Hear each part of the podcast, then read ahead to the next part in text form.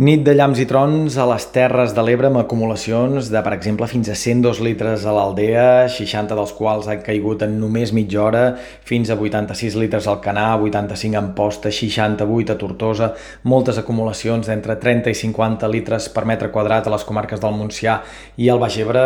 Aquestes precipitacions, però, ja han quedat enrere. A primera hora del dia ja no plovia enlloc i, de fet, a mesura que avanci el matí s'obriran grans clarianes al conjunt del país.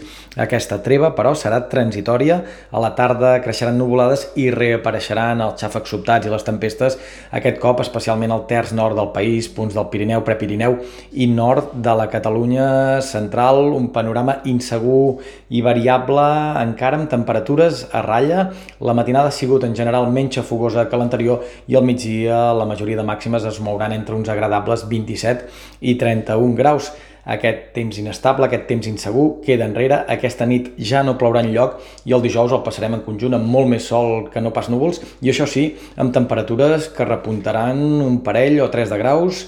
Aquesta tendència a l'estabilitat atmosfèrica es confirmarà de cada divendres, una jornada amb un bon sol i màximes que podrien arribar a superar els 35 graus als sectors més càlids del país, de cara al cap de setmana, també poques complicacions, molt més sol que no pas núvols, probablement no s'haurà d'obrir el paraigua lloc en els propers 3 dies i les temperatures, això sí, a partir de dissabte recularan i diumenge tornaríem a respirar força més bé.